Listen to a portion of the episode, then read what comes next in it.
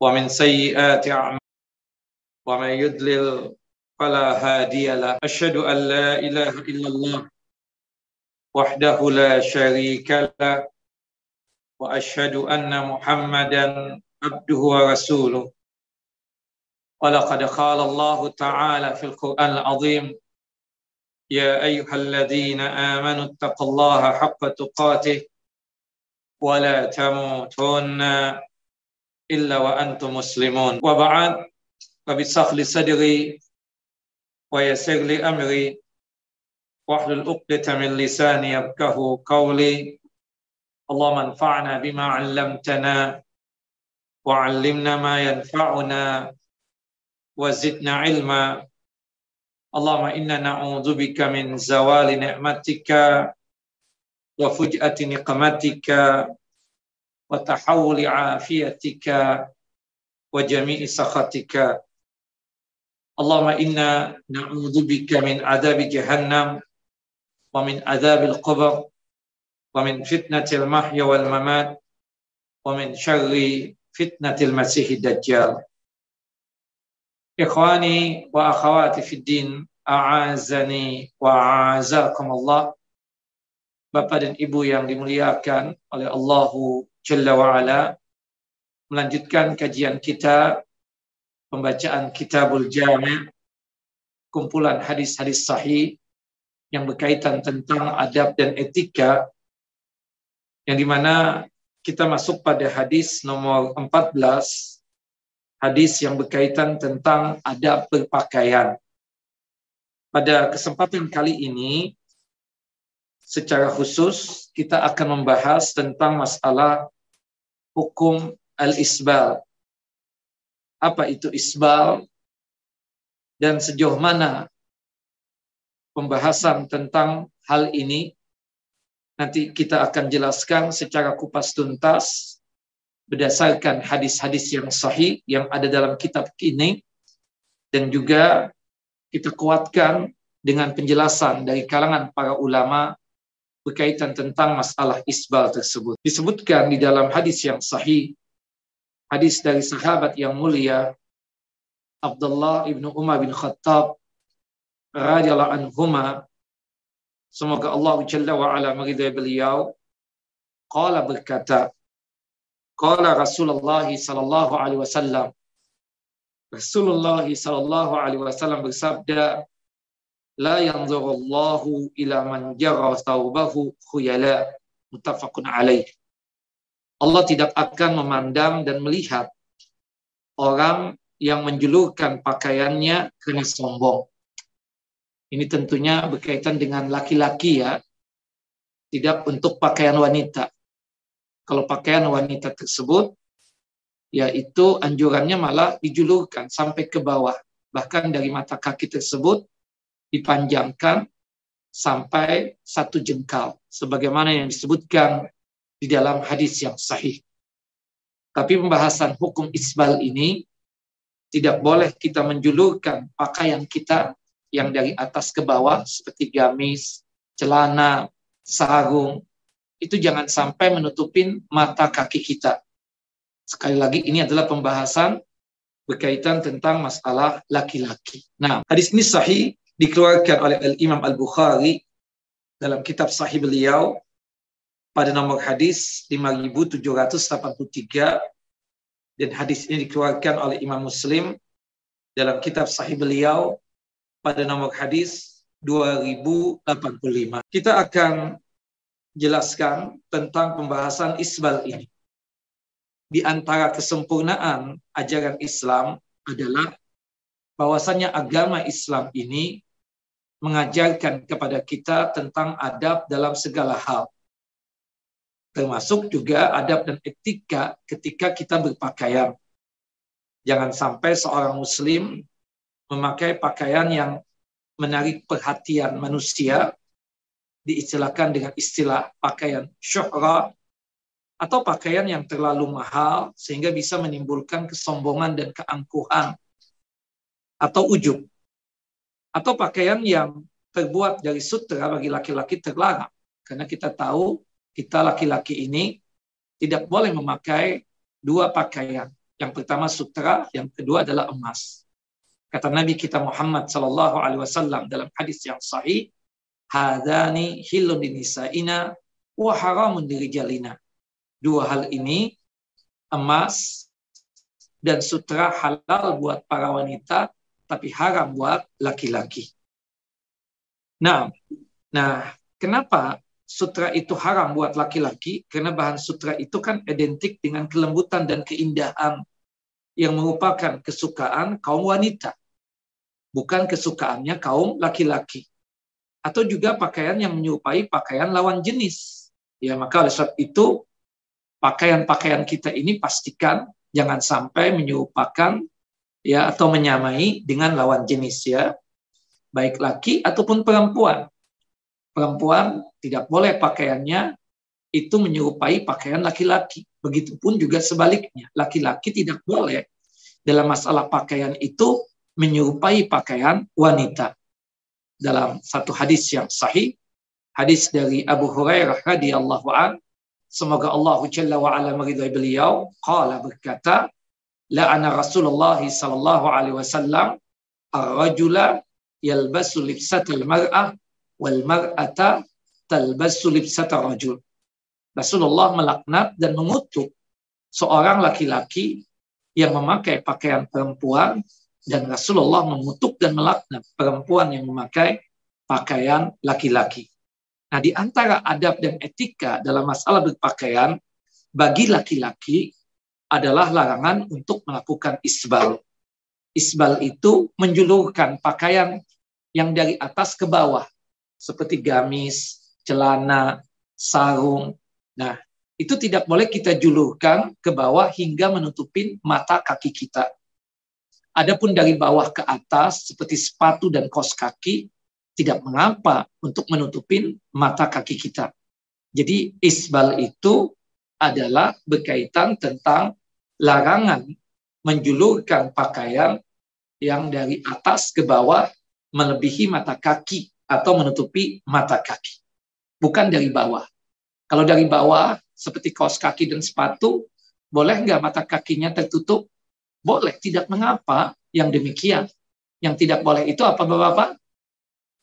Dari atas ke bawah, seperti gamis, sarung, celana. Nah itu tidak dibolehkan untuk menutupi mata kaki kita. Itulah isbal. Hadis-hadis tentang larangan isbal ini derajatnya itu bahkan sampai mutawatir. Mutawatir itu dipastikan keabsahan dan kesohihannya ya dari sudut pandang maknanya ya sungguh luar biasa kesohihannya. Lebih daripada 20 orang sahabat Nabi, lebih daripada 20 orang sahabat Rasulullah SAW meriwayatkan tentang haramnya isbal ini buat laki-laki. Disebutkan tadi dalam satu hadis ya hadis ya dari jalur sahabat yang mulia Abdullah ibnu Umar dikatakan ya la yanzurullahu ila man jarra taubahu khuyala Allah tidak akan memandang dan melihat orang yang menjulurkan pakaiannya sampai menutupi mata kaki karena sombong. Kata-kata ya manjara taubahu. Orang yang menjulurkan pakaiannya hingga menutupi mata kakinya, ini maknanya umum. Maknanya apa? Umum. Ya, kullu ma yulbas. Umum di sini maksudnya adalah setiap yang dipakai. Mencakup celana, sarung, ya, jubah atau gamis atau pakaian apa saja. Semua dilarang untuk dipakai jika panjang dan menutupi mata kaki atau pakaiannya menjulur ke bawah sehingga ya terseret-seret di atas tanah. Yang itu dilakukan oleh orang yang sombong. Orang yang melakukan demikian, maka Allah Jalla wa'ala tidak memandang dan tidak melihatnya. Dalam lafat dan redaksi yang berbeda, ya dalam riwayat yang lain disebutkan, Allah Ta'ala tidak akan melihat dia pada hari kiamat. Disebutkan dalam hadis Abu Dzar Al-Ghifari radhiyallahu an semoga Allah Jalla wa ala meridai beliau.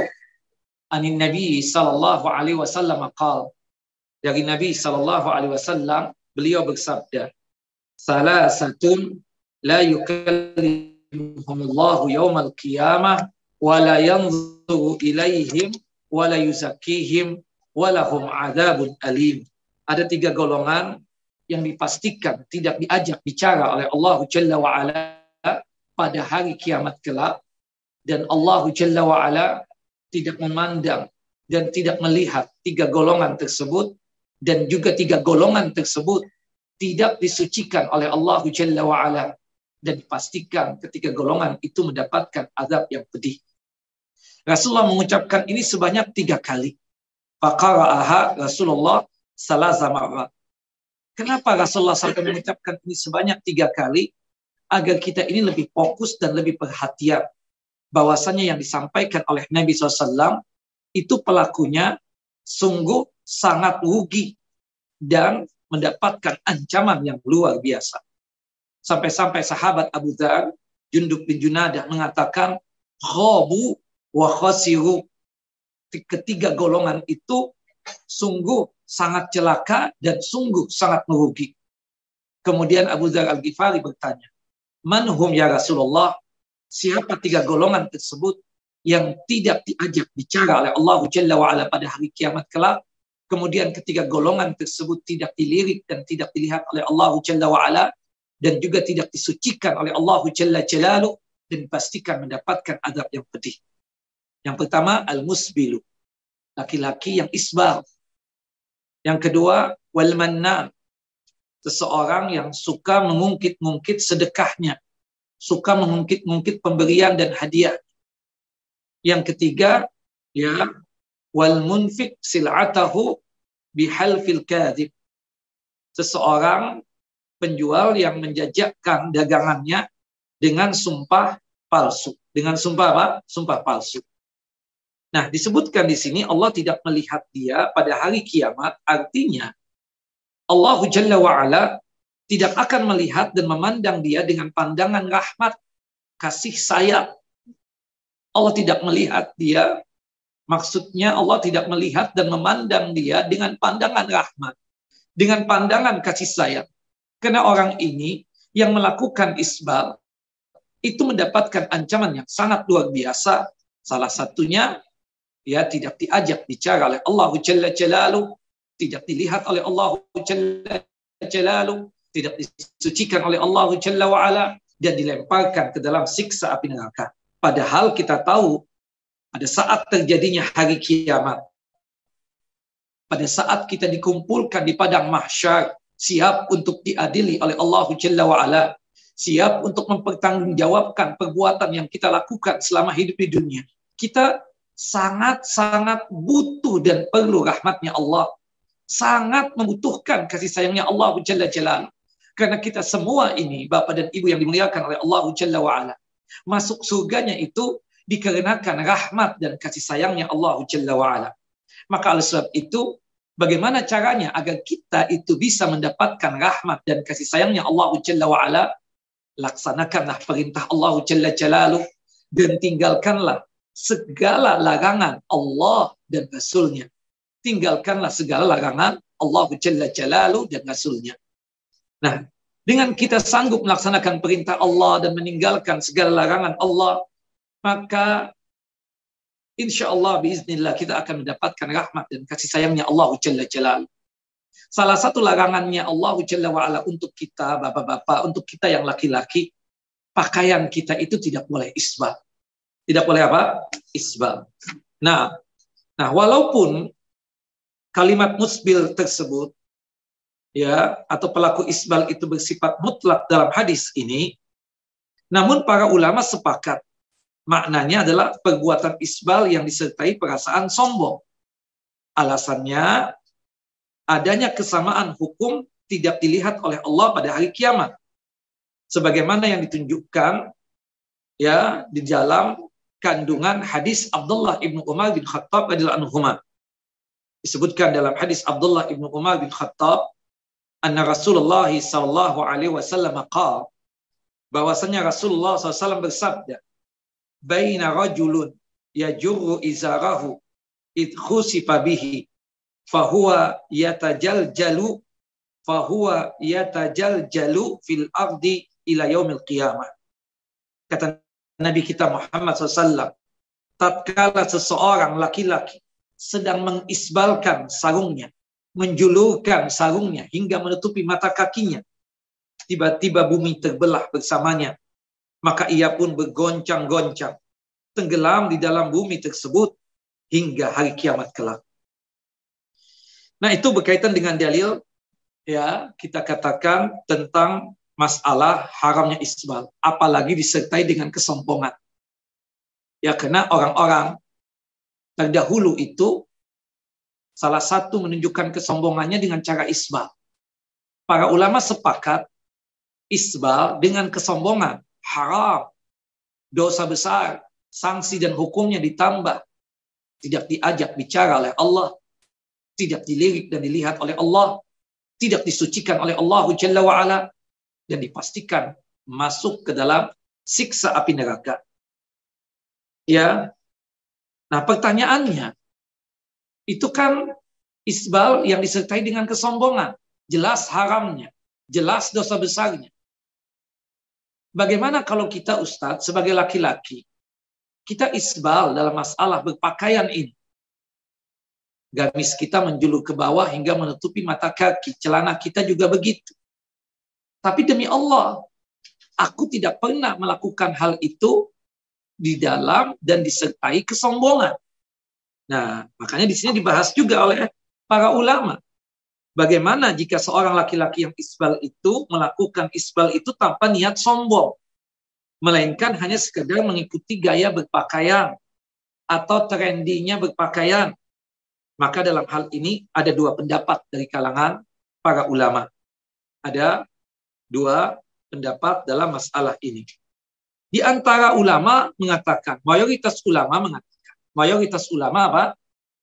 Mengatakan, ini pendapat yang pertama ya. Mayoritas ulama mengatakan bahwa isbal yang dilakukan tanpa disertai kesombongan, hukumnya adalah makruh. Ini pendapat apa? Mayoritas ulama. Hukumnya apa? makruh. Makruh itu lebih bagus ditinggalkan. Dikerjakan tidak dosa. Dan tidak sampai, kata mereka, pada perbuatan yang haram. Mereka, Bapak dan Ibu, ya beralasan bahwa illah sebab pengharaman isbal itu sebab musabab illah itu artinya apa sebab musabab pengharaman isbal oleh Allah Jalla Jalaluh adalah karena sombong. Karena sombong.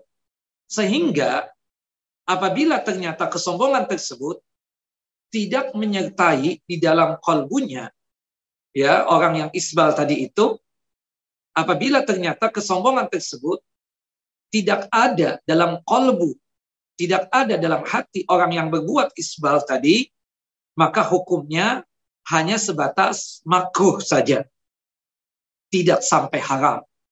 Siapa yang berpendapat seperti ini? Ini kebanyakan dari kalangan ulama mazhab Syafi'i. Ya, ini pendapat kebanyakan ulama dari kalangan mazhab Syafi'i. Di antara yang berpendapat seperti ini adalah Imam Syafi'i itu sendiri dan juga Imam An-Nawawi. Imam Nawawi ini ya adalah Syafi'i ya, pengikut Imam Syafi'i. Dia bermadhabkan Syafi'i. Nah, kemudian sekelompok ulama yang lain, ini pendapat yang kedua, kita katakan memandang, berpendapat bahwa isbal yang dilakukan oleh laki-laki, meskipun dilakukan isbal tersebut tanpa ada kesombongan dalam kalbunya dan hatinya, maka hukumnya tetap haram. Hukumnya apa? Tetap haram secara mutlak. Ini merupakan salah satu pendapat dari madhab Hambali dan juga ini yang dipilih oleh Al-Imam Al-Qadhi Iyad termasuk Al-Imam Ibnul Arabi. Ibnul Arabi dari kalangan madhab Maliki. Ya beliau ini termasuk imam dari kalangan madhab Maliki ya. Dan ini juga pendapat dari Al-Hafidh Az-Zahabi rahimahullah rahmatan wasi'ah yang mengarang kitab Al-Kabair. Makanya dalam kitab Al-Kabair tersebut salah satu dosa besar yang disebutkan oleh Al-Hafidh Al-Imam Az-Zahabi adalah isbal. adalah isbal. Termasuk juga yang mengatakan haram isbal bagi laki-laki meskipun tidak disertai dengan kesombongan itu haram ya itu adalah pendapat dari Al-Hafidh Ibnu Hajar Al-Asqalani ya dari kalangan mazhab Syafi'i, pengarang kitab kita ini, penyusun Kitabul Jami ya, yaitu Al-Hafidh Ibnu Hajar. Adapun di antara ulama kontemporer, ulama ya al-mutaakhirin, ulama sekarang ini yang mengatakan haram isbal bagi laki-laki meskipun tidak disertai dengan kesombongan sekalipun, itu ulamanya di antaranya adalah Syekh Abdul Aziz bin Bas, rahimahullah rahmatan wasi'ah, Syekh Muhammad Nasiruddin Albani, rahimahullah rahmatan wasi'ah, dan Syekh Muhammad bin Salih Al-Utsaimin, rahimahullah. Nah, dari dua pendapat tadi kita katakan bahwasannya pendapat yang kuat isbal bagi laki-laki meskipun tidak disertai dengan kesombongan tetap hukumnya haram secara mutlak. Dan ini pendapat yang rajih. Dan ini pendapat yang kuat. Artinya di antara dua pendapat tadi mayoritas ulama mengatakan isbal itu makruh. Sedangkan sekelompok dari kalangan ulama mengatakan haram. Berdasarkan hujah dan dalil yang paling kuat bagi kita laki-laki tidak boleh isbal, haram isbal. Meskipun tidak disertai dengan apa? Kesombongan. Kita tanpa ada sombong, isbal, maka hukumnya tetap apa? Haram. Apa dalilnya? Di antara dalilnya adalah hadis yang dikeluarkan oleh Imam Ahmad dan juga oleh Al-Imam Abu Daud dalam kitab sunannya pada nomor hadis 1304 hadis yang disahihkan oleh Syekh oleh Syekh Su'aib Al-Agnaud. Nah, qala Rasulullah sallallahu alaihi wasallam. Rasulullah sallallahu alaihi wasallam bersabda, "Fa inna isbal al-izari minal makhila." Sesungguhnya isbalnya seorang laki-laki pada sarung yang dia pakai adalah termasuk dari kesombongan. Jadi kita mengatakan, anak enggak sombong, Ustaz ya antum menolak kebenaran itu artinya apa? Sombong, karena sombong itu apa? Al-kibru batul haq pogom tunas. Al-kibru batul haq pogom tunas. Ya, kalau kita menolak kebenaran berarti kita sombong. Ya, kebenarannya apa? Tidak boleh isbal. Dan dikatakan oleh Nabi dalam hadis yang dikeluarkan oleh Imam Ahmad dan juga oleh Al Imam Abu Daud bahwasannya kita menjulurkan pakaian kita dari atas ke bawah, yaitu gamis, sarung, celana, hingga menutup mata kaki atau isbal tadi, itu termasuk apa? Kesombongan. Termasuk apa? Kesombongan. Jadi menurut hadis ini, isbal itu sendiri termasuk apa? Sombong. Al-Imam Ibnul Arabi dari kalangan madhab maliki menggaris bawahi seseorang tidak boleh menjulurkan pakaiannya hingga melewati mata kakinya. Kemudian dia berkilah. Saya tidak menjulurkannya karena kesombongan.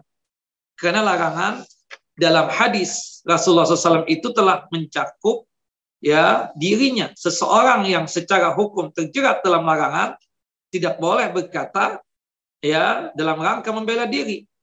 Saya tidak mengerjakannya itu karena sebab larangan pada hadis yaitu kesombongan. Tidak ada pada diri saya sombong itu. Hal seperti ini adalah ya pengakuan orang yang tidak dapat diterima. Ya, klaim yang tidak dapat diterima. Sebab tatkala dia memanjangkan ujung pakaiannya hingga menutupi mata kakinya, sejatinya Bapak dan Ibu, ia telah apa? Menunjukkan apa? Kesombongan. Ya, menunjukkan apa? kesombongan. Seperti kita bilang, Pak kuku antum panjang, potong dong. Ah ini kan sunnah biasa saat. Orang berkata begitu sombong nggak? Sombong lah. Seperti itu.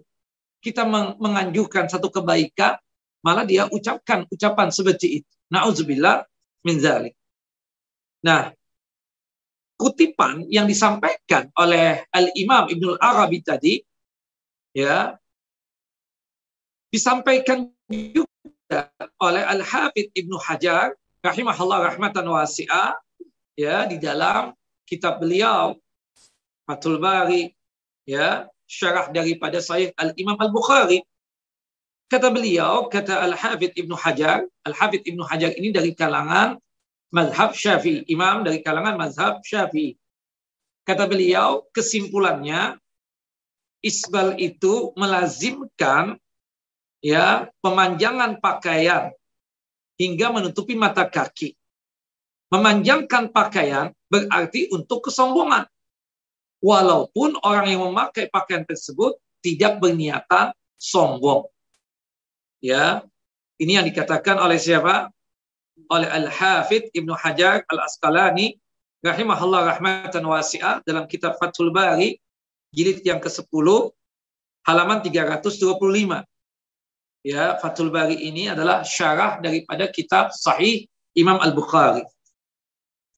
Hadis-hadis lain yang menunjukkan bahwa Rasulullah SAW melarang isbal secara mutlak atau melarang isbal secara umum di antaranya adalah hadis Mughirah bin Syu'bah radhiyallahu an. Semoga Allah Jalla wa ala meridai beliau. Qala berkata, Qala Rasulullah sallallahu alaihi wasallam. Rasulullah sallallahu alaihi wasallam bersabda, Ya Subyan bin Sahlin, la tusbil fa inna Allah la yuhibbul musbilin. Kata Nabi kepada Sufyan bin Syu'bah, kata Nabi kepada Sufyan bin Sahal, wahai Sufyan bin Sahal, janganlah pakaian kamu itu isbal. Pakaian yang menjulur ke bawah hingga menutupi mata kaki.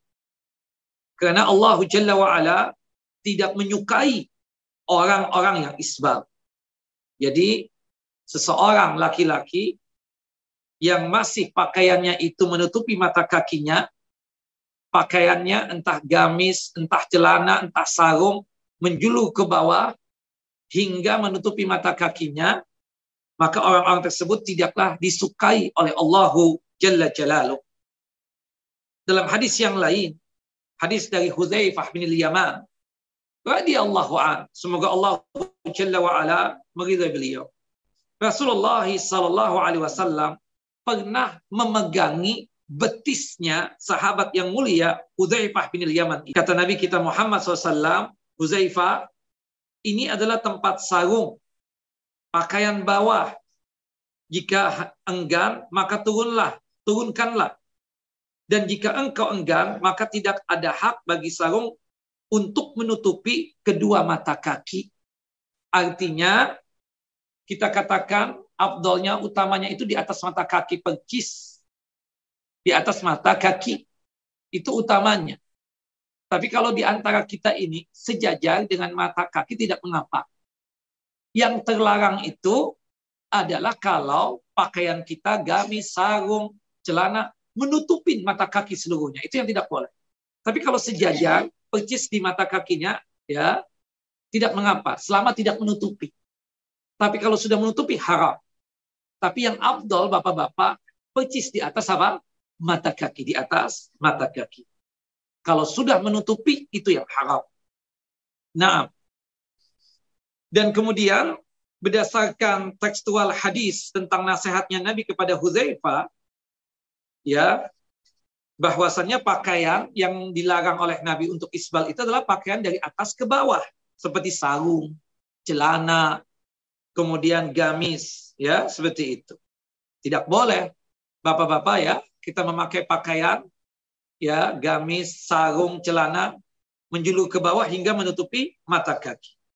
Baik karena sombong ataupun tanpa ada kesombongan sama sekali.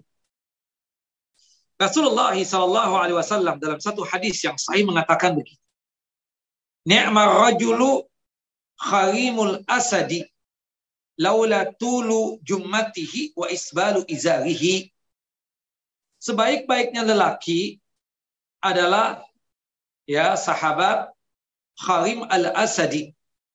Ya, Kharim al-Asadi ini sahabat Nabi. Andai saja ia tidak memanjangkan jumahnya, jumahnya itu rambut pada pundaknya. Dan dia itu baik, dia itu sebaik-baiknya laki-laki. Jika sarungnya itu tidak isbal. Jika pakaian tersebut apa? Tidak isbal. Baik. Nah itu dalil yang pertama ya, yang menjelaskan bahwasannya isbal buat kita laki-laki, bapak-bapak, terlarang, haram baik ada kesombongan ataupun tidak ada kesombongan ya tidak ada kesombongan saja haram apalagi ada kesombongan dalil yang kedua ketika Nabi Muhammad SAW menegur sebagian sahabatnya agar para sahabat mengangkat sarung mereka di atas mata kaki Rasulullah SAW tidak pernah bertanya kepada para sahabat tersebut apakah kalian melakukan isbal ini karena sombong atau tidak? Bukan begitu. Nabi cuma menyuruh, angkat celana kalian, angkat sarung kalian di atas mata kaki. Jangan sampai sarung dan celana serta gamis kalian ini menjulur ke bawah sampai mata kaki. Atau menutupi mata kaki. Menutupi mata kaki. Tidak pernah Nabi ketika memberikan nasihat tadi tentang larangan isbal, Rasulullah tanya, antum wahai sahabatku melakukan isbal tadi sombong atau tidak sombong? Ada nggak pertanyaan begitu? Tidak ada. Maka oleh sebab itu dari sini kita katakan isbal buat laki-laki ya tidak ada kesombongan, apalagi ada kesombongan. Hukumnya apa? Haram. Kesombongan itu timbulnya di hati dan itu masalah hati. Rasulullah SAW ketika menegur para sahabat yang berbuat isbal, untuk mengangkat kainnya atau celananya atau sarungnya sampai di atas mata kaki tidak pernah menanyakan masalah kesombongan ini kepada mereka karena ini masalah hati kan tidak pernah Rasulullah bertanya antum melakukan ini sombong atau tidak nggak pernah Rasulullah bertanya seperti itu siapa saja yang ditegur oleh Rasulullah SAW padahal para sahabat adalah generasi yang terbaik yang jauh dari sifat kesombongan artinya Rasulullah itu Selama itu umatnya, Rasulullah ingatkan, Rasulullah tegur. Atau sahabat Nabi. Yang di mana kita tahu sahabat Nabi itu rata-rata kebanyakan mereka, mereka itulah yang mengisi jannah dan surganya Allah Jalla Jalla. Meskipun demikian, ketika ada sahabatnya berbuat khilaf salah, salah satunya isbal, Rasul ingatkan, angkat sarung, jangan sampai menutupi mata kaki. Posisinya berada di atas mata kaki.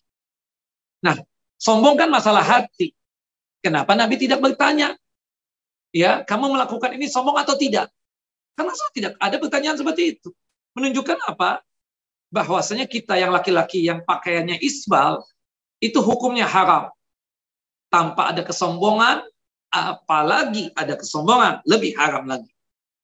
Nah, kemudian ya disebutkan dalam hadis yang lain Ya, dalam hadis yang lain, hadis dari Ammar bin Syarid radhiyallahu anhu qala berkata Ab ada Rasulullah sallallahu alaihi wasallam rajulan yajuruhu izarahu fa asra'a ilaihi Rasulullah SAW melihat dari jauh seseorang yang memakai sarung yang di mana sarungnya itu menyeret nyeret ya di tanah ya.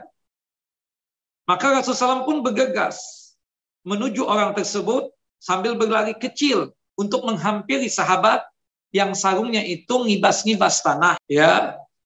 Fa'asra'a ilaihi au harwala faqala irfa izaraka wattaqillah. Hei sahabatku angkat sarungmu. Hingga posisinya itu di atas mata kaki. Tidak isbal seperti ini. Wattaqillah bertakwalah engkau kepada Allah. Qala, kemudian sahabat itu berkata, ini ahnapu taliku rukbataya.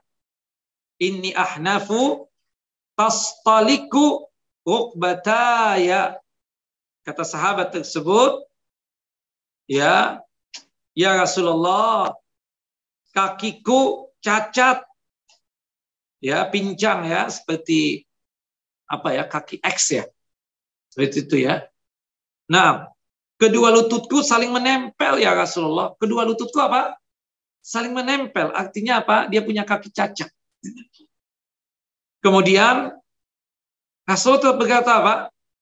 Irfa izaraka fa inna kulla khalqillahi hasanun. Tetap angkat sarungmu tersebut. Sesungguhnya seluruh ciptaan Allah semuanya baik. Seluruh ciptaannya Allah itu apa? Semuanya indah. Sesungguhnya seluruh ciptaan Allah itu apa? Indah. Subhanallah. Fama ru'iyya dhalika ar-rajul ba'da illa izarahu yusibu ansafa saqaihi au ila ansafi saqaihi.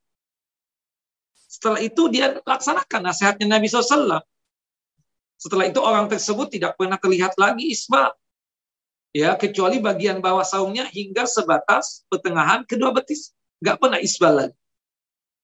Hadis ini bapak-bapak dan juga ibu-ibu dengan kasat mata menegaskan bahwa Rasulullah SAW tetap memerintahkan orang ini jangan sampai isbal. Ya, dan orang tadi kan beralasan dia melakukan isbal tadi karena untuk menutupi kecacatannya. Orang tadi tidak ada rasa sombong sama sekali.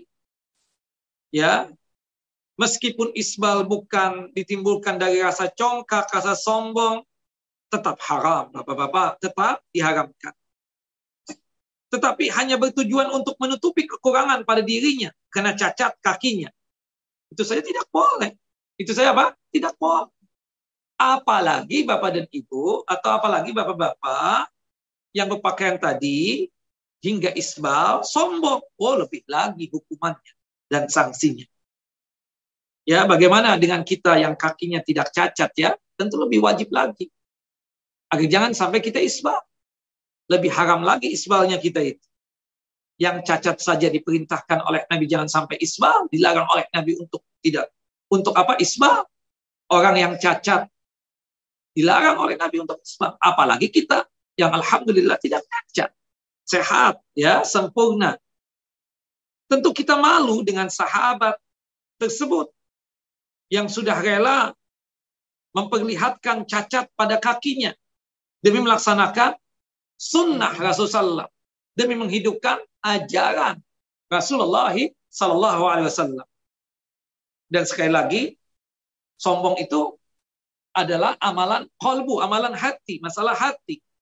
Saat menegur orang yang isbal tadi, sebagaimana yang dipraktekkan oleh Rasulullah, Rasulullah tidak pernah bertanya, engkau melakukan ini sombong ya? Tidak. Kata dia, Aku melakukan ini ya Rasulullah karena ingin menutupi bagian cacat yang ada pada kakiku. Kata Nabi, irfa izaraka. Angkat ya, angkat sarung ini.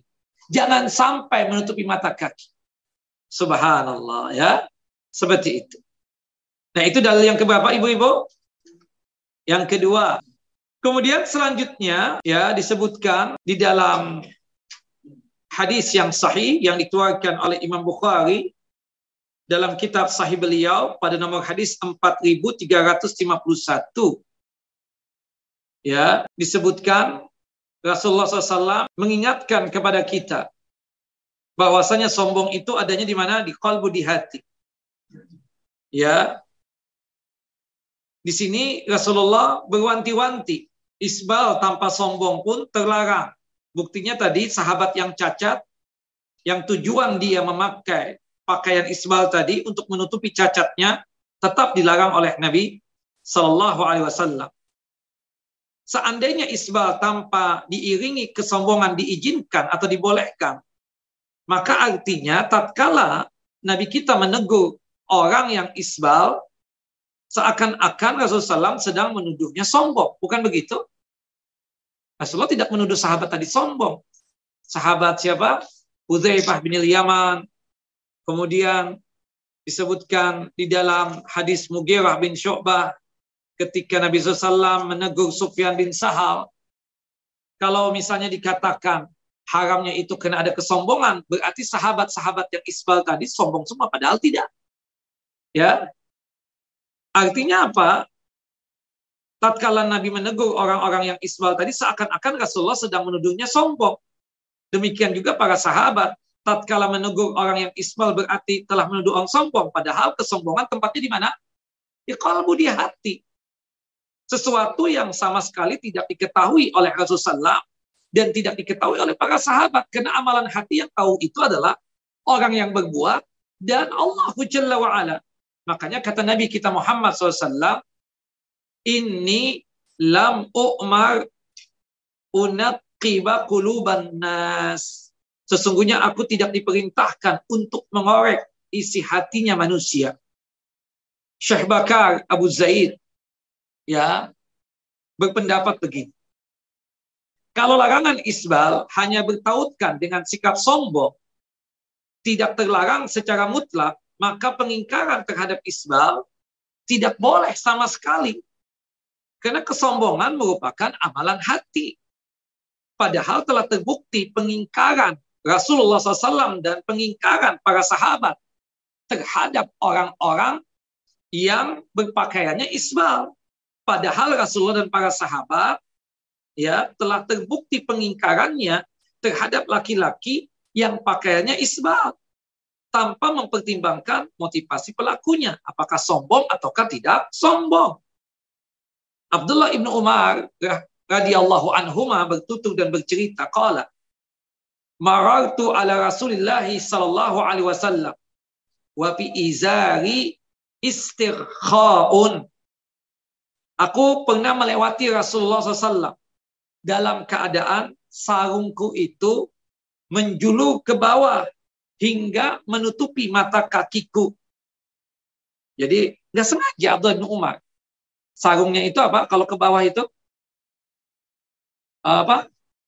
Melorot, ya kan melorot. Hingga sarungnya tadi itu ketika menjulur ke bawah atau melorot tadi menutupi mata kakinya. Kebetulan Rasulullah ada di situ, langsung ditegur oleh Nabi Abdullah ibnu Umar bin Khattab radhiyallahu Ya Abdullah, irfa izaraka farafa'tuhu. Eh, tolong dong angkat sarungmu. Jangan menutupi mata kakimu. Kemudian kata Abdullah ibnu Umar, angkat sarungku hingga tidak menutupi mata kakiku. Summa qala zid tambah lagi pengangkatannya Jangan percis di atas mata kaki. Angkat. Diangkatlah. Pamazil tu ataharra'aha ba'at. Kemudian kata Abdullah ibnu Umar, setelah itu aku telah memperhatikan pakaianku, khususnya sarungku, agar jangan sampai aku isbal lagi. Kemudian, faqala ba'dul kaum, sekelompok orang bertanya kepada Abdullah ibnu Umar, ila aina faqala an safis saqaini. Antum tadi ketika disuruh mengangkat, zid tambah lagi pengangkatannya. Sampai mana itu? Kata Abdullah ibnu Umar, sampai setengah betis. Sampai apa? Hingga tengah ya betis. Artinya eh, apa? Setengah betis kita itu mengangkat. Tapi itu tidak kita katakan tidak mutlak begitu. Yang apa kita katakan wajibnya kita itu cuma sebatas apa? Sejajar dengan mata kaki atau yang abdolnya utamanya di atas mata kaki. Rasulullah SAW tetap menegur Abdullah ibnu Umar. Padahal kita tahu tadi Abdullah ibnu Umar adalah figur yang jauh daripada apa? Kesombongan. Sangat tawadu Abdullah ibnu Umar itu. Bahkan beliau termasuk sahabat yang mulia, yang paling bertakwa dan termasuk ahli ibadah. Namun Rasulullah SAW tidak membiarkan pakaiannya Abdullah ibnu Umar itu isbal. Beliau tetap memerintahkannya, tetap menegurnya agar Abdullah bin Umar itu mengangkat sarungnya hingga tidak menutupi mata kakinya. Bapak-bapak dan juga ibu-ibu, bukankah ini menunjukkan adab etika tidak isbal, tidak hanya berlaku pada orang yang berniatkan sombong saja. Bukan begitu? Artinya isbal itu haram, yang tidak punya sombong, ataupun ada sombong haram. Tapi mereka yang isbal karena sombong, hukumannya, sanksinya ditambah lagi oleh Allah Jalla Jalal. Tidak diajak bicara oleh Allah, tidak disucikan oleh Allah, tidak dilirik dan dilihat oleh Allah Jalla Jalal. Dan mereka dipastikan mendapatkan adab. Dalil yang ketiga. Dalil yang ketiga tentang haramnya isbal tanpa sombong sekalipun.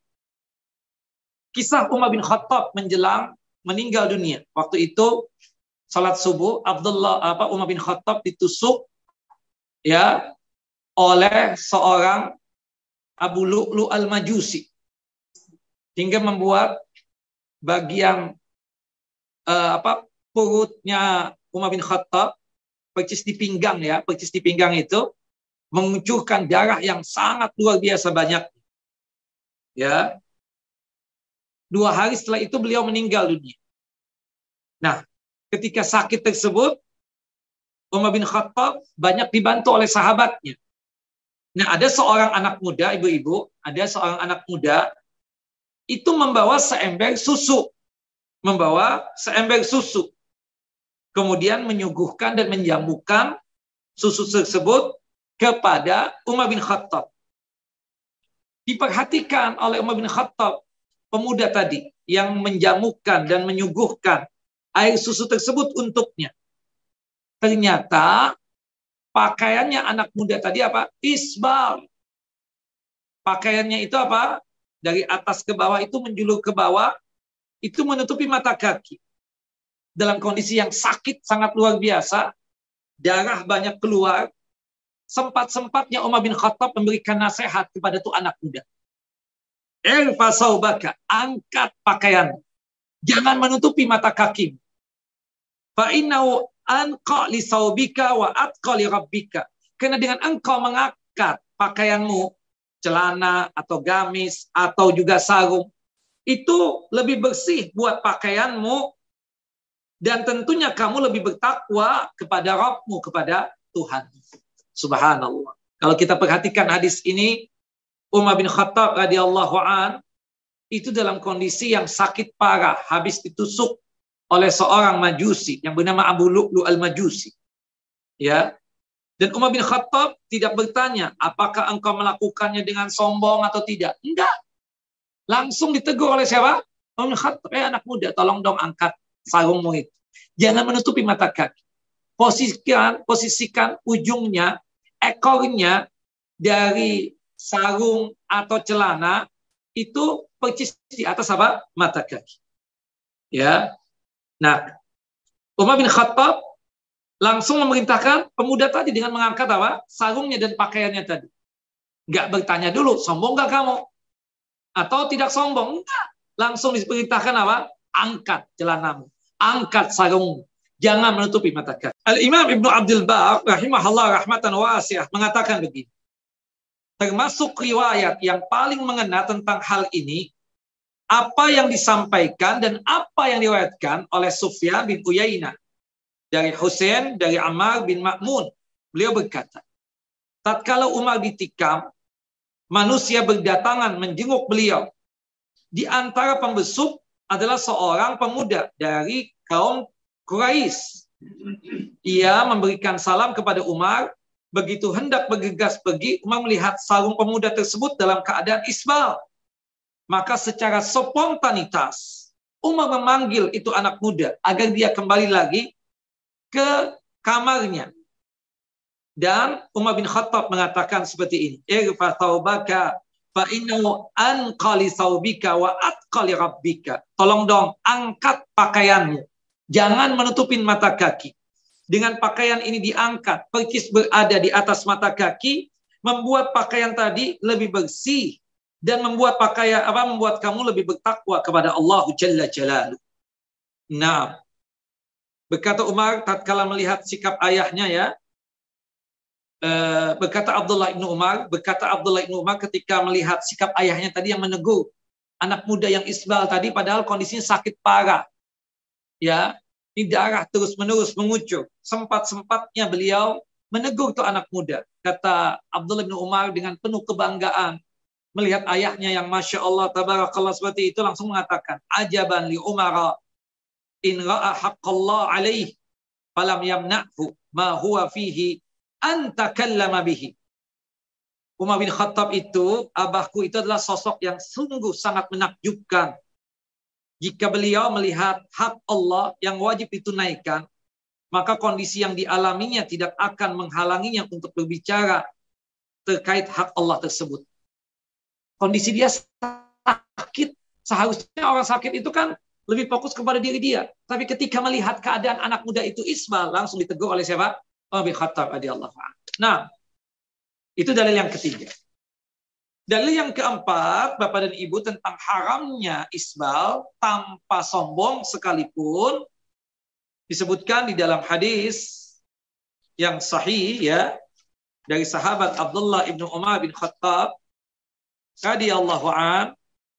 Semoga Allah jalla wa ala meridai beliau.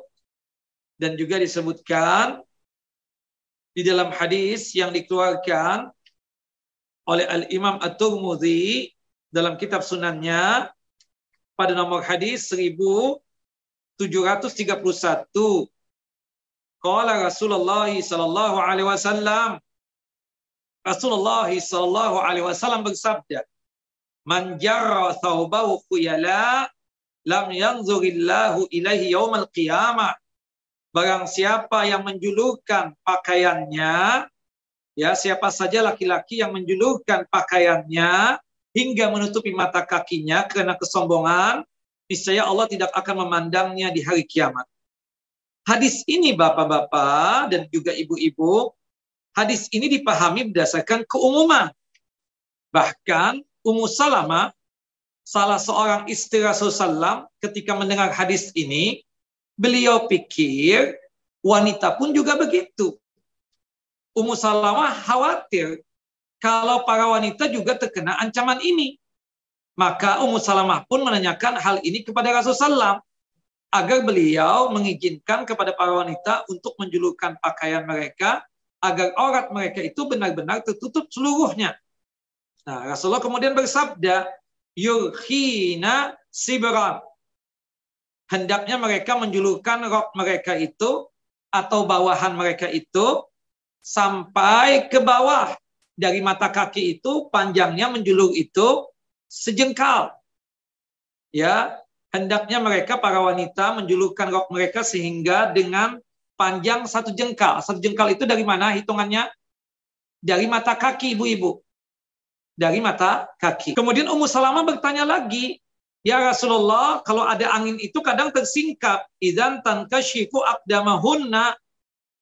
Kalau ada angin, nanti membuat pakaian itu tersingkap. Ya, sehingga kaki-kaki mereka itu akan kelihatan. Faqala Rasulullah Rasulullah kemudian menambahkan, "Falyukhinahu zira'an la yazidna alaih." Tambah lagi ya dari mata kaki itu menjulurkannya panjangnya itu itu satu apa kita katakan satu siku seperti ini. Ya, panjangkan seperti itu satu hasta ya bahasa kita itu benar ya. Jadi kalau misalnya ibu-ibu khawatir, Ustadz, saya punya pakaian sudah panjang menjulur ke bawah hingga menutupin kaki saya. Itu hitungannya tadi yang dikatakan dalam hadis Ibunda Ummu Salama itu itu satu jengkal. Satu jengkal itu dari mana, Bu? Hitungannya dari mata kaki. Kata Ibunda Ummu Salama, itu bisa tersingkap tuh, apalagi kalau ada angin. Ya, Khawatir kaki-kaki mereka ya Rasulullah kelihatan. Menunjukkan kaki itu apa? Aurat. Kata Nabi, kalau begitu panjangkan dari mata kaki, itu satu hasta. Satu siku ya, kita katakan. Jelas ibu-ibu? Tidak boleh lebih daripada itu. Kan ada tuh pakaian apa pakaian pengantin wanita itu, pakaian Eropa itu, yang menjulurnya sampai ke mana? Diangkat oleh pagar ayu kan? Seperti itu. Nah, nah itu nggak boleh. Itu isbalnya wanita. Itu apa? Isbalnya wanita. Jika pakaian wanita itu sudah dipanjangkan sampai satu hasta, hitungannya tadi dari mana, Bu? Dari mata kaki gitu kan? Nah itu sudah aman banget, nggak bakalan tersingkap lagi. Tapi ibu panjangkan lagi misalnya, nah berarti ibu jatuhnya isbal. Jadi isbalnya wanita itu bukan seperti laki-laki. Tapi isbalnya wanita itu sebagaimana yang disebutkan dalam hadis Nabi SAW. Jangan ditambah lagi. Lebih daripada apa? Satu hasta ya. Ya ini segini berapa tuh? Hasta ya namanya ya? Dari jari ke sini. Sesiku bahasa saya itu. Sehasta ya. sehasta ya benar ya. Jelas nggak ibu-ibu? Nah, jelas ya. Jadi pakaian pengantin yang baju Eropa itu nggak boleh itu ya, karena panjangnya kan luar biasa. Kadang menutupi seluruh itu kan, ke lantai-lantai itu, bahkan panjang, ya eh, apa yang memegangi buntut pakaiannya tadi itu sampai 10 orang saking panjangnya kan. Jelas ibu-ibu pernah lihat pakaian begitu? Nah, jangan lagi ya dipakai itu. Nah, Baik, ibu-ibu dan bapak-bapak yang dimuliakan oleh Allahu Jalla wa'ala. Hal ini menunjukkan bagaimana semangatnya para wanita di kalangan sahabat Nabi untuk menutupi apa kaki-kaki mereka agar tidak tersingkap sehingga rok mereka itu dipanjangkan sampai terseret di tanah dengan kelebihan sehasta dan tidak boleh lebih daripada itu. Ini juga merupakan dalil bahwa Ummu Salama memandang isbal itu sebagai satu perbuatan yang terlarang. Ya. Jadi keyakinan para wanita di zaman Nabi termasuk ibunda ibunda kita, isbal itu terlarang buat siapa? Buat kita yang laki-laki ini. Makanya ibunda Ummu Salamah itu mengatakan ya Rasulullah, isbal itu untuk wanita juga? Enggak. Itu buat laki-laki doang.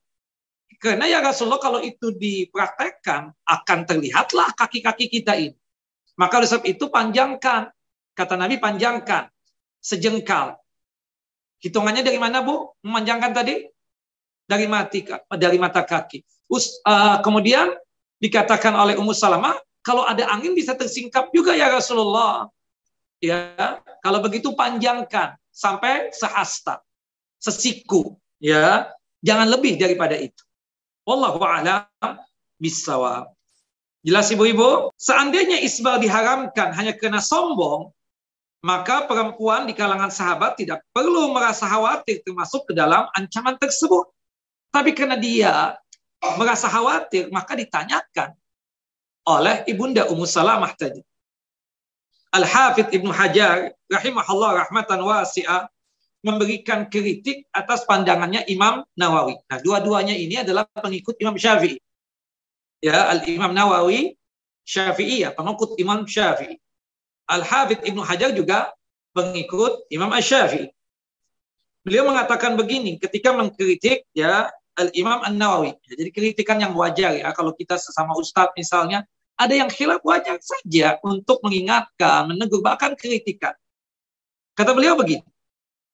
Ya, Ibnu Hajar memberikan kritikan atas pandangan Imam Nawawi bahwa isbal hanya diharamkan saat bergandengan dengan kesombongan dengan perkataan beliau begini, jika memang demikian, untuk apa Ummu Salamah itu melakukan istibsar, minta penjelasan dari Nabi SAW.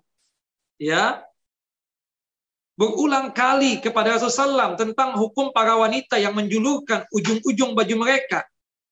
Salah seorang ibunda kita, ya, Ummahatul Mukminin yaitu Ummu Salamah memahami betul bahwa isbal itu dilarang secara mutlak, baik karena sombong ataupun tidak. Maka beliau pun menanyakan tentang hukum kaum wanita yang isbal, lantaran mereka harus melakukannya untuk menutupi aurat mereka, yaitu kedua kaki mereka. Sebab seluruh kaki perempuan adalah aurat. Maka Rasulullah SAW pun menjelaskan bahwa para wanita berbeda dari kalangan laki-laki dalam masalah hukum larangan isbal. Syekh Nasiruddin Albani rahimahullah rahmatan wasi'ah menyatakan Rasulullah SAW tidak mengizinkan para wanita untuk isbal dari sehasta karena tidak ada manfaatnya di dalamnya dengan keadaan aurat mereka telah tertutup rapat. Oleh karenanya, para laki-laki lebih pantas dilarang untuk menambah panjang celana mereka karena tidak ada faedahnya sama sekali. Jelas ya? Ungkapan Syekh Nasiruddin Albani ini Kan Rasulullah mengatakan untuk wanita tadi. Ketika Ummu Salamah bertanya, ya Rasulullah, kita ini berlaku isbal juga? Enggak. Karena kalau kita eh, apa tidak menjulurkan pakaian kita itu akan tersingkap dan terlihat kedua kaki kita. Kata Nabi panjangkan pakaian kalian, wahai para wanita. Itu sampai sejengkal, sekilas. Hitungannya dari mana tadi Bu? Dari mata. Kata Ibunda Ummu Salamah, kadang ada angin tersingkap juga ya Rasulullah. Kalau begitu panjangkan sehasta, sesiku. Jangan lebih daripada itu. Ya, jangan lebih daripada itu. Dilarang oleh Nabi nggak tadi itu, Bu? Padahal kan tujuan wanita tadi memanjangkan tadi untuk apa? Menutupin aurat kan? Iya.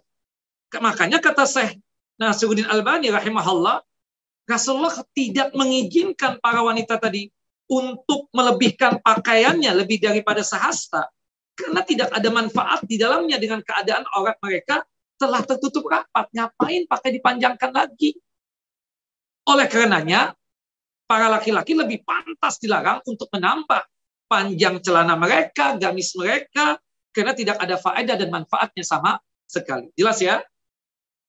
Hadis tentang tanggapan Ummu Salama tadi memiliki penguat dari hadis Abdullah ibnu Umar bin Khattab radhiyallahu an ya yang di mana Abdullah ibnu Umar berkata seperti ini rakhasa Rasulullah li ummahatil mu'minina shibran summas summas tazad summa tazad nahu fazadahunna shibran. Ya summa istazad nahu fazadahunna shibran. Rasulullah memberikan rukhsah bagi para ibunda-ibunda kita ummahatul mukminin untuk menurunkan ujung baju mereka sepanjang satu jengkal hitungannya dari mata kaki ya Kemudian mereka tambah lagi, maka Rasulullah mengizinkan memanjangkan hingga satu apa? Ya tambah sejengkal lagi. Jadi dari hitungan mata kaki itu apa? Satu hasta atau sesiku. Wallahu a'lam. Perkataan Abdullah ibnu Umar ini, Rasulullah memberikan rukhsah menunjukkan bahwa hukum isbal pada asalnya haram atau hukumnya menaikkan pakaian di atas mata kaki, hukumnya adalah wajib.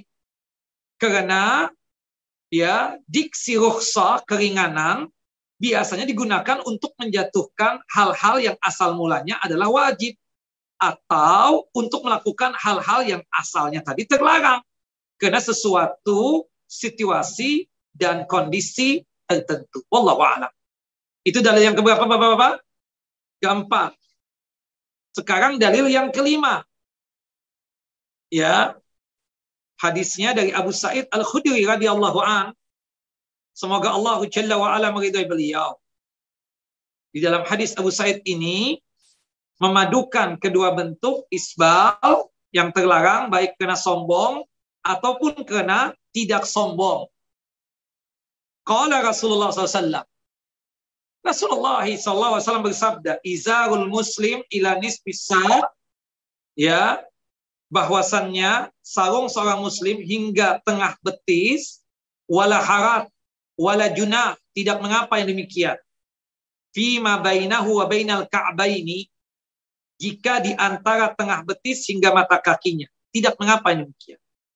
Fama kana asfala minal ka'baini fahuwa finnar barang siapa yang menyeret sarungnya hingga menempel ke tanah ya di bawah mata kaki di bawah mata kaki ya dikatakan di sini ya segala kain atau pakaian seperti gamis, celana, kain yang di bawah mata kaki maka tempatnya di neraka. Manjara izarahu bataran lam yang zurillahu ilaih. Barang siapa yang menyeret sarungnya hingga menempel ke tanah kena sombong maka Allah tidak melihatnya. Syekh Muhammad bin Saleh Al-Utsaimin, Syekh Muhammad bin Saleh Al-Utsaimin rahimahullah rahmatan wasi'ah menjelaskan bahwa Rasulullah sallallahu alaihi wasallam menyebutkan dua bentuk amalan isbal secara mutlak di dalam hadis ini baik karena sombong ataupun ada kesombongan dalam satu hadis. Kata beliau, ini merinci perbedaan hukum keduanya. Karena azab keduanya, sanksinya itu berbeda. Artinya, kedua amalan tersebut ragamnya berbeda. Hingga berlainan juga pandangan hukuman dan sanksinya. Hadis ini menjelaskan tentang hukum haramnya isbal. Baik ada kesombongan ataupun tidak ada kesombongan. Tapi orang yang isbal atau laki-laki yang isbal dalam masalah berpakaiannya karena kesombongan, maka hukumnya dan sanksinya tambah lagi. Itu yang dikatakan oleh Syekh Muhammad bin Shalih Al-Utsaimin rahimahullah rahmatan wasi'ah. Maka oleh sebab itu jamaah para laki-laki ya jangan sampai kita isbal. Jangan sampai apa? Kita isbal. Seperti itu ya. Itu keterangan-keterangan yang dijelaskan oleh para ulama tentang masalah ini. Jadi kesimpulannya, Bapak dan Ibu yang dimuliakan oleh Allah Jalla wa'ala, hukum isbal itu hukumnya apa? Haram. Baik ada kesombongan ataupun tidak ada kesombongan. ya Seperti itu. Nah, dan para ulama berpendapat hukum isbal adalah haram secara mutlak baik karena ada kesombongan dalam kalbunya, dalam hatinya, ataupun tidak ada kesombongan. Dan mereka menyebutkan beberapa hikmah dilarangnya isbal tersebut. Kenapa isbal itu dilarang? Apa hikmahnya? Apa tujuannya? Yang pertama, isbal termasuk wujud dari sikap israf. Israf itu apa? Berlebih-lebihan. Seseorang dari kita ini tidak perlu memakai pakaian yang berlebih-lebihan. Apalagi panjangnya sampai menjulur ke tanah. Kecuali bagi para wanita yang memang dituntut untuk berbuat demikian agar auratnya itu tetap terjaga, tetap tertutup dengan sempurna. Itu hikmah yang pertama. Jelas ibu-ibu? Yang kedua hikmahnya, kenapa isbal buat laki-laki ini terlarang? Isbal dapat menyebabkan pakaian terkena kotoran. Bukan begitu, terkena najis bahkan. Bahkan bisa jadi kotoran itu menempel dan lengket pada pakaiannya tadi. Yang ketiga, hikmah dilarangnya isbal tersebut, isbal termasuk pemandangan yang menarik, yaitu syuhrah tadi. Kita tahu, kita ini dilarang untuk apa dalam masalah apa pun, ya entah pakaian, mobil, dan lain sebagainya. Syuhrah. Syuhrah itu adalah menjadi pusat perhatian orang. Oleh karenanya isbal apa? Diharamkan. Jadi sekali lagi, hikmah haramnya isbal itu secara mutlak ya, kenapa diharamkan? Secara mutlak yang pertama tadi apa Bapak Ibu? Isbal termasuk wujud dari apa? Sikap israf, berlebih-lebihan. Yang kedua, ya hikmah dilarangnya isbal apa? isbal dapat menyebabkan pakaian terkena kotoran atau najis. Yang ketiga, akibat isbal tersebut, kenapa dilarang? Karena orang yang berpakaian secara isbal itu syuhrah, ya, menjadi pusat perhatiannya orang lain. Wallahu alam bisawab. Baik, Bapak dan Ibu yang dimuliakan oleh Allahu Jalla wa ala, ya, itu berkaitan tentang masalah ya isbal ya. Itu kita katakan yang berkaitan tentang masalah isbal tadi. Jelas ya?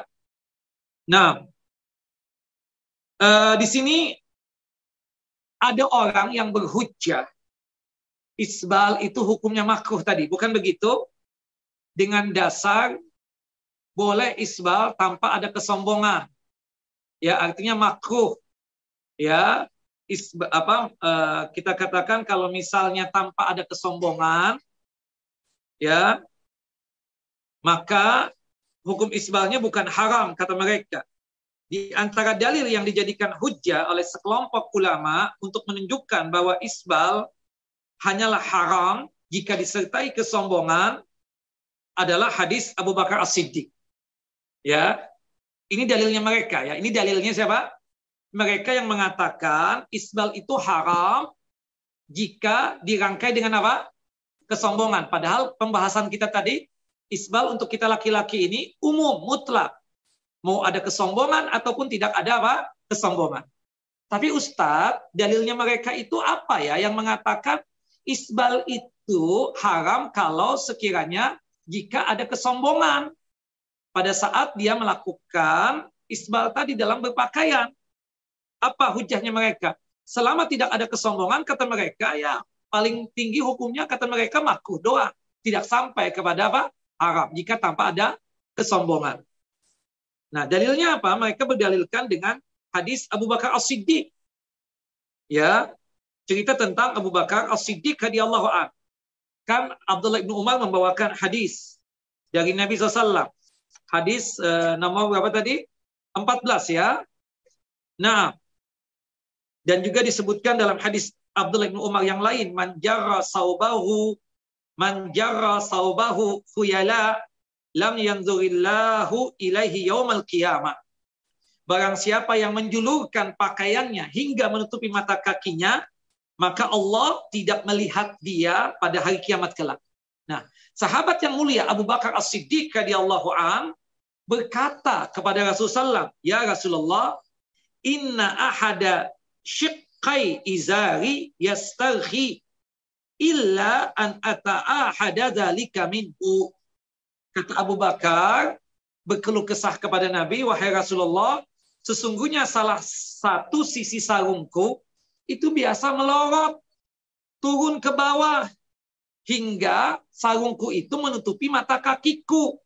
Kecuali kecuali jika aku senantiasa memeganginya. Aku pegangi hingga tidak melorot.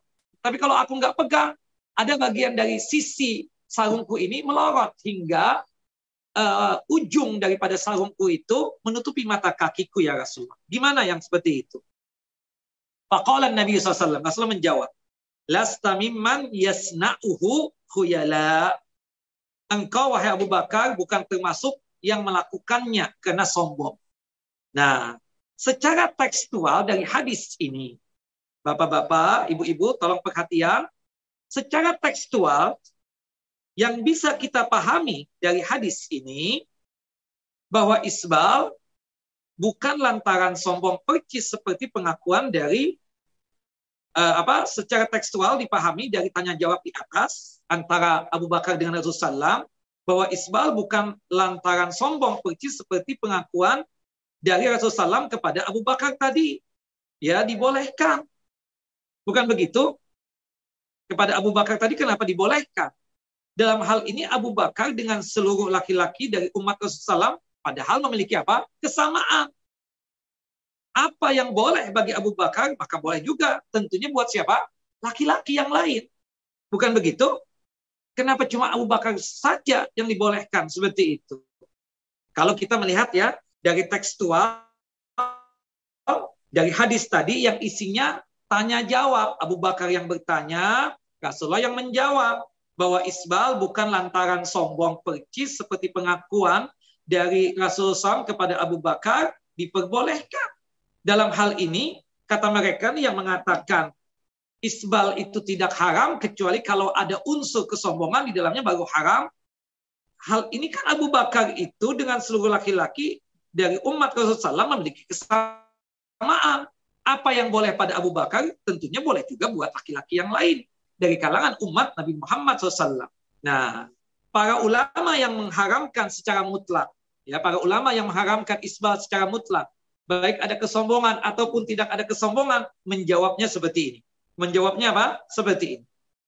Ya, kalangan ulama yang mengharamkan ya sekalipun tanpa kesombongan memberikan jawaban terhadap bentuk istidlal atau pengambilan dalil oleh pendapat yang mengatakan hukumnya cuma sebatas makruh saja atau tidak ada haram di situ jika tidak ada unsur kesombongan. Jawabannya berikut. Jawabannya sebagai berikut. Al-Hafidh Ibnu Hajar mengatakan begitu. Sebab isbalnya sarung Abu Bakar adalah karena tubuhnya yang kurus. Itu yang pertama. Nah, kemudian Ibnu Hajar, Al-Hafidh Ibnu Hajar menambahkan, pada riwayat Ma'mar yang dinarasikan oleh Imam Ahmad, redaksinya berbunyi seperti ini. Inna izari yastarhi ahyana. Sesungguhnya sarungku itu melorot hingga menutupi mata tapi itu sifatnya kadang-kadang. Abu Bakar itu tubuhnya itu sangat slim, sangat langsing sekali, bahkan condong kurus. Jika beliau bergerak, berjalan dan melakukan gerakan yang lain, izarnya beliau ini, pakaian bawahnya beliau ini melorot turun tanpa sengaja, tanpa apa disengaja, hingga menutupin mata kaki tanpa disengaja. Namun jika beliau menjaga, memperhatikan, dipegangin terus kan, kalau zaman sekarang ini pakai sabuk itu, maka tidak bakalan turun. Maka hadis ini menunjukkan bahwa tidak masalah sarung yang terjulur di bawah mata kaki jika tidak sengaja. Jika tidak sengaja. Rasulullah pun pernah terjadi pada diri Nabi seperti itu. Pada saat gerhana matahari. Ya, pada saat gerhana matahari sebagaimana disebutkan dalam hadis Abi Bakrah radhiyallahu an,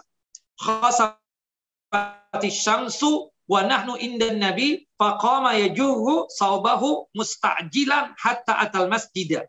Ya, ketika terjadi gerhana matahari dan kami sedang berada bersama Rasulullah SAW, maka Rasulullah pun berdiri dalam keadaan ya kondisi sarung beliau isbal karena tergesa-gesa hingga memasuki masjid. Nah, beliau isbal tadi sengaja atau tidak sengaja? Tidak sengaja. Al-Habib Ibnu Hajar mengatakan pada hadis ini terdapat dalil bahwa isbal yang muncul dengan alasan ketergesa-gesaan tidak termasuk dalam larangan. Nah, ada beberapa poin lagi yang dapat dijadikan dasar untuk menyanggah kalangan yang berpegang erat dengan hadis Abu Bakar As-Siddiq radhiyallahu an. Yang pertama, yang pertama sangat tepat bahwa Abu Bakar dan semua laki-laki dari umat Islam itu sama kedudukannya di mata hukum. Sama, tidak ada bedanya apa yang terjadi, apa yang menjadi dispensasi bagi Abu Bakar juga berlaku bagi mereka. Artinya kalau Abu Bakar mendapatkan rukhsah keringanan, seharusnya kita yang sebagai laki-laki juga mendapatkan rukhsah keringanan. Ada dispensasi dalam masalah syariah ini. Akan tetapi, akan tetapi Bapak, apakah isi kalbu mereka sama percis dengan yang terdapat dalam kalbu dan hatinya Abu Bakar As-Siddiq? Sama tidak? Tidak. Innamal amalu binniyat. Hati-hati. Itu yang pertama. Yang kedua, sahabat yang mulia Abdullah bin Utsman atau yang sering disebut dengan sebutan Abu Bakar As-Siddiq radhiyallahu an kita pastikan tidak sombong karena ada nasari keterangan yang lugas dari persaksian Rasulullah SAW bahwasannya beliau tidak termasuk orang yang melakukannya karena sombong. Nabi tadi mengatakan apa? Lasta mimman yasna'uhu khuyala. Engkau melakukan itu bukan atas dasar kesombongan ya Abu Bakar. Berarti Nabi memberikan tazkiyah, ya rekomendasi, pensucian bahwasanya Abu Bakar itu nggak sombong. Kalau kita wallahu alam, kita nggak tahu kalau diri kita ini. Maka oleh sebab itu, ya kalau seandainya seseorang bisa menghadirkan persaksian Rasulullah SAW bahwa kita ini terbebas dari kecongkokan dan sombongan atau ujub ketika berisbal ria, maka kita akan sam'an wa ta'ata. Kita siap mendengar dan siap taat. Iya kan? Kita pastinya tidak sanggup menghadirkan persaksian Nabi. Nabi sudah meninggal dunia. Saya Muhammad bin Salih Saimin sendiri mengatakan apa? Jika kami mengingkarimu, maka silahkan ya kalian potong saja lidah kami. Namun ini mustahil. Bagaimana mungkin Anda membawakan, mendatangkan persaksian Rasulullah? Rasulullah sudah meninggal. Ya, antum kan beralasan Anda nggak sombong. Siapa yang tahu? Kita tidak tahu. Sampai Usamin menentang seperti itu. Jika kalian sanggup mendatangkan persaksian bahwasanya antum ini memang nggak sombong, tolong datangkan. Tapi itu mustahil.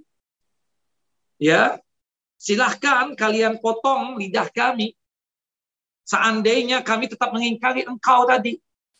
Tapi dengan catatan, kalian itu memang dapat persaksian syahadah dari Rasulullah. Tapi kalian tidak bakalan bisa sanggup mendatangkan persaksian Rasulullah SAW. Yang ketiga, isbal yang terjadi pada sahabat yang mulia Abu Bakar As-Siddiq bukanlah karena faktor kesengajaan. Beliau bahkan menghindarinya. Ya kan? Tadi menghindari. Aku angkat, aku jaga. Kalau orang zaman sekarang kan sengaja, bukan? Sengaja. Namun karena beliau berbadan kurus, ya, maka akibatnya pakaian bawah beliau itu selalu melorot. Selalu melorot hingga menutupin mata kaki.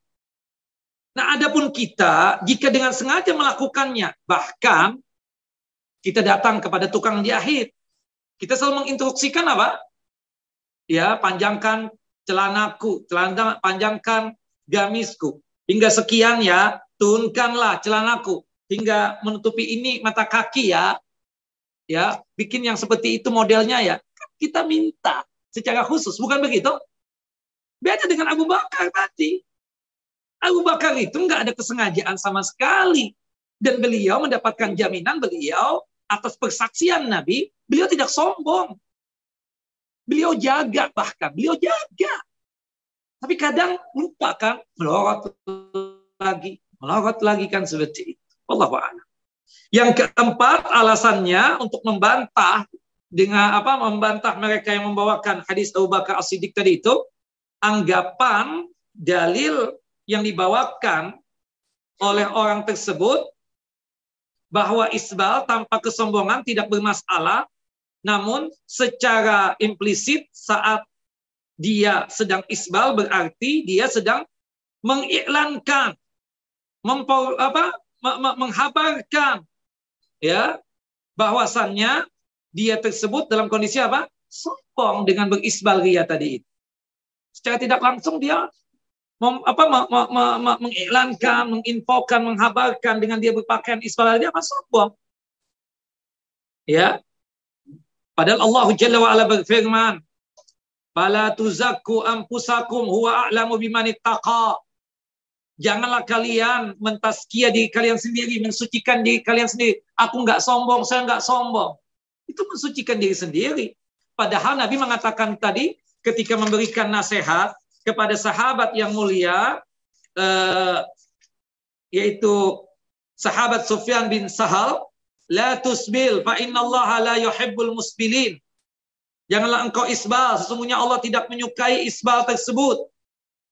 Bahkan dikatakan di dalam hadis tadi yang dikeluarkan oleh Imam Ahmad dan Abu Daud, Rasulullah mengatakan, Fa inal isbal izar minal makhila. Bahwasanya isbal itu termasuk dari kesombongan. Nah, orang yang mengatakan yang penting tidak sombong, kemudian dia isbal, secara tidak langsung dia mengiklankan diri bahwasannya dia itu adalah orang yang sombong. Ya. Subhanallah. Berarti jika dia mengatakan saya tidak sombong, saya tidak ini, ya berarti mensucikan diri sendiri enggak? Orang yang merasa suci itu sombong enggak? Yang mensucikan diri sendiri, anak begini, anak begitu enggak? Itu terkena ancaman Allah Jalla wa ala yang di mana Allah mengatakan fala tuzakku wa a'lamu Maka janganlah kalian mentazkiyah diri kalian sendiri Allah lebih tahu siapa yang bertakwa. Yang kelima, berkaitan dengan kisah Abu Bakar As-Siddiq tadi, tidak ada satu riwayat pun yang menceritakan. Usai mendengar pernyataan Rasulullah tersebut, lantas selanjutnya Abu Bakar As-Siddiq berisbal ria. Ya kan? Ketika Rasul mengatakan kamu bukan bagian itu, kamu tidak sombong. Ya. Kamu karena kamu tidak sengaja. Apakah Abu Bakar setelah itu melakukan isbal ria dalam bahasa berpakaian? Berisbal ria? Enggak ada dalilnya.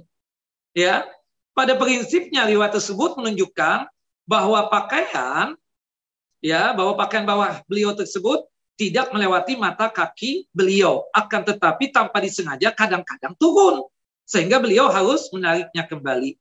Berbeda dengan mereka dari awal pakaiannya melebihi ya mata kakinya atau menutupi mata kakinya dengan demikian, kisah Abu Bakar ini tidak bisa dijadikan sebagai apa? pegangan atau sebagai hujah dan dalil untuk menguatkan dia melakukan uh, isbal ya seperti itu. Wallahu a'lam. Nah, ini kira yang berkaitan dengan pembahasan kita kali ini. Semoga jelas, bermanfaat dan semoga tidak ada pertanyaan.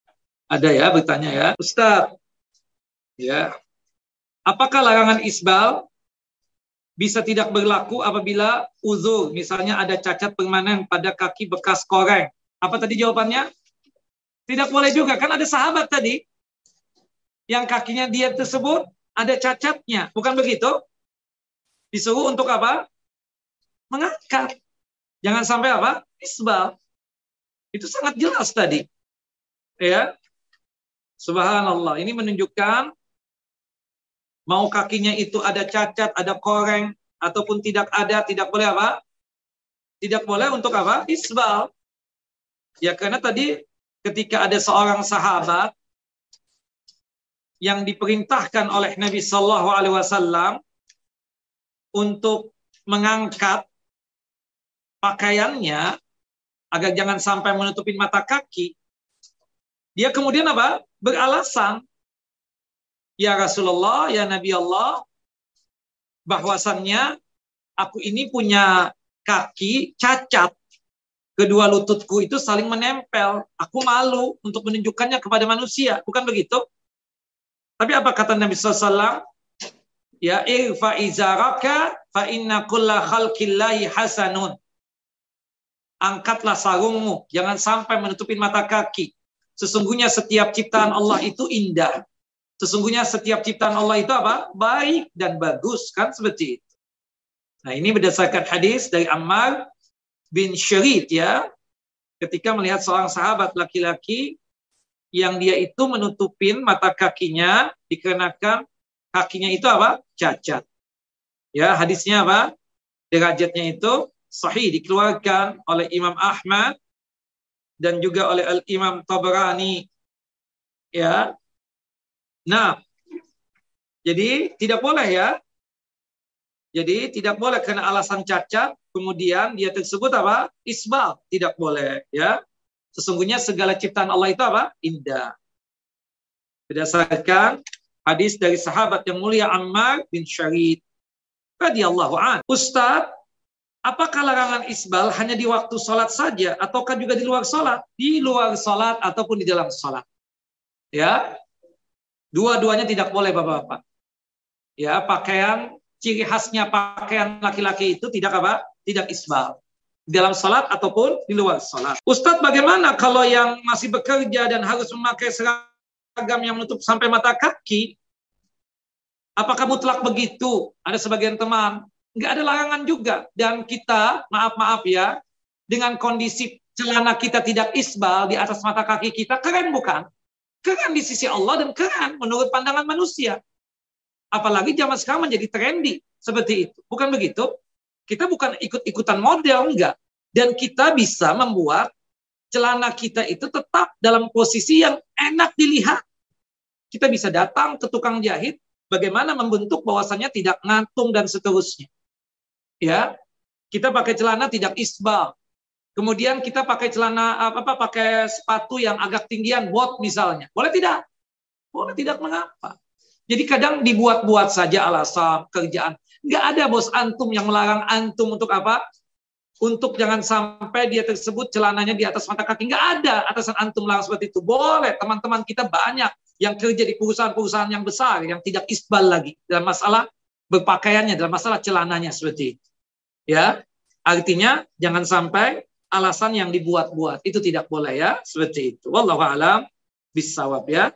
Tidak boleh isbal ya, berkaitan dengan apa pun mau itu seragam ataupun bukan ya, baju seragam ataupun bukan. Nah, ya. Kita bikin rapi. Intinya kita bikin apa? Kita bikin rapi ya, seperti itu. Celana kita kita bikin rapi. Wallahu alam. Baik, Bapak dan Ibu, cukup ya? Tidak ada pertanyaan lain? Kita cukupkan kajian kita sampai di sini dulu. Insya Allah kita akan lanjutkan lagi pekan depan di hari Rebu pekan ketiga. Kita masuk kepada pembahasan yang selanjutnya yaitu masuk pada hadis nomor 15. Ya, ini sudah kita bahas ya sebenarnya adab makan minum ya. Dengan tangan kanan sudah kita bahas ya, secara umum kita bahas sudah. Nah, tapi nanti kita akan mencoba untuk mencari uh, pembahasan yang lebih tepat yang belum kita bahas ya. Karena masalah makan dan minum pada hadis nomor 15 ini berkaitan erat makan dan minum dengan tangan kanan. Hadis nomor 16 itu adab makan juga larangan makan berlebih-lebihan ya makan dan minum secara berlebih-lebihan. Tapi insya Allah kita akan lanjutkan pembacaan Kitabul Jami ini pada pekan depan, tepatnya di hari Rebu, jam 9 sampai jam 11. Insya Allah biidnillah. Barakallahu fikum. Semoga Bapak dan Ibu selalu dalam lindungan Allah Jalla Jalalu. Selalu sehat walafiat. Dimudahkan dalam masalah rizki dan nikmat. Dipanjangkan umur dalam ketaatan kepada Allah Jalla wa'ala. Terhindar dari musibah, malapetaka, ya, dan hal-hal buruk lainnya. Amin ya rabbal alamin. Walafu minkum, maaf lahir batin. Ya, wallahul muwaffiq ila aqwamit tariq. Kita tutup kajian kita dengan bersalawat kepada Nabi Muhammad, Rasul Nabi Muhammad wa ala ali Muhammad kama sallaita ala Ibrahim wa ala ali Ibrahim innaka Hamidun Majid. dengan doa kafaratul majlis juga.